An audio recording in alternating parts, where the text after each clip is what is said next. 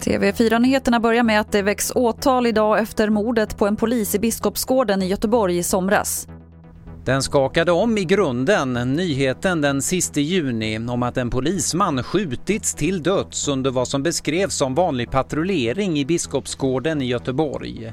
Fortfarande är frågorna många men när åtal idag väcks mot en kriminellt belastad 17-åring som är häktad mot sitt nekande hoppas många få åtminstone några svar.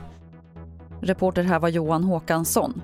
Idag noteras Volvo Cars på börsen och intresset bland svenska småsparare är stort. Klockan nio ringer vd Håkan Samuelsson i klockan och handeln kan dra igång.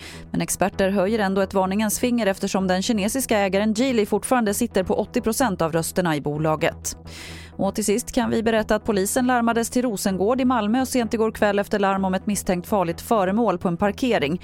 Området spärrades av och nationella bombskyddet kallades in. Men senare under natten kunde de konstatera att föremålet var ofarligt. Exakt vad det var som låg på parkeringen är oklart. Fler nyheter hittar du på tv4.se. Jag heter Lotta Wall.